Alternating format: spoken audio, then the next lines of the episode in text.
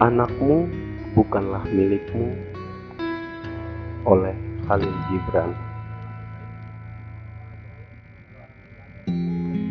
Anakmu bukanlah milikmu.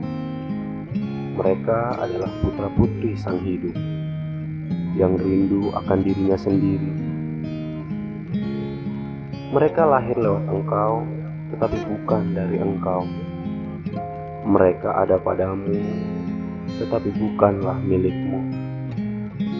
Berikanlah mereka kasih sayangmu, namun jangan sodorkan pemikiranmu, sebab pada mereka ada alam pikirannya sendiri. Patut kau berikan rumah bagi raganya, namun tidak bagi jiwanya, sebab jiwa mereka adalah penghuni rumah masa depan yang tiada dapat kau kunjungi sekalipun dalam mimpi. Engkau boleh berusaha menyerupai mereka, namun jangan membuat mereka menyerupai. Sebab kehidupan tidak pernah berjalan mundur ataupun tenggelam ke masa lampau.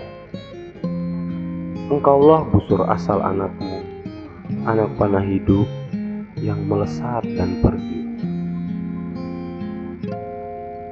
Sang pemanah membidik sasaran keabadian. Dia merentangkanmu dengan kuasanya hingga anak panah itu melesat jauh dan cepat.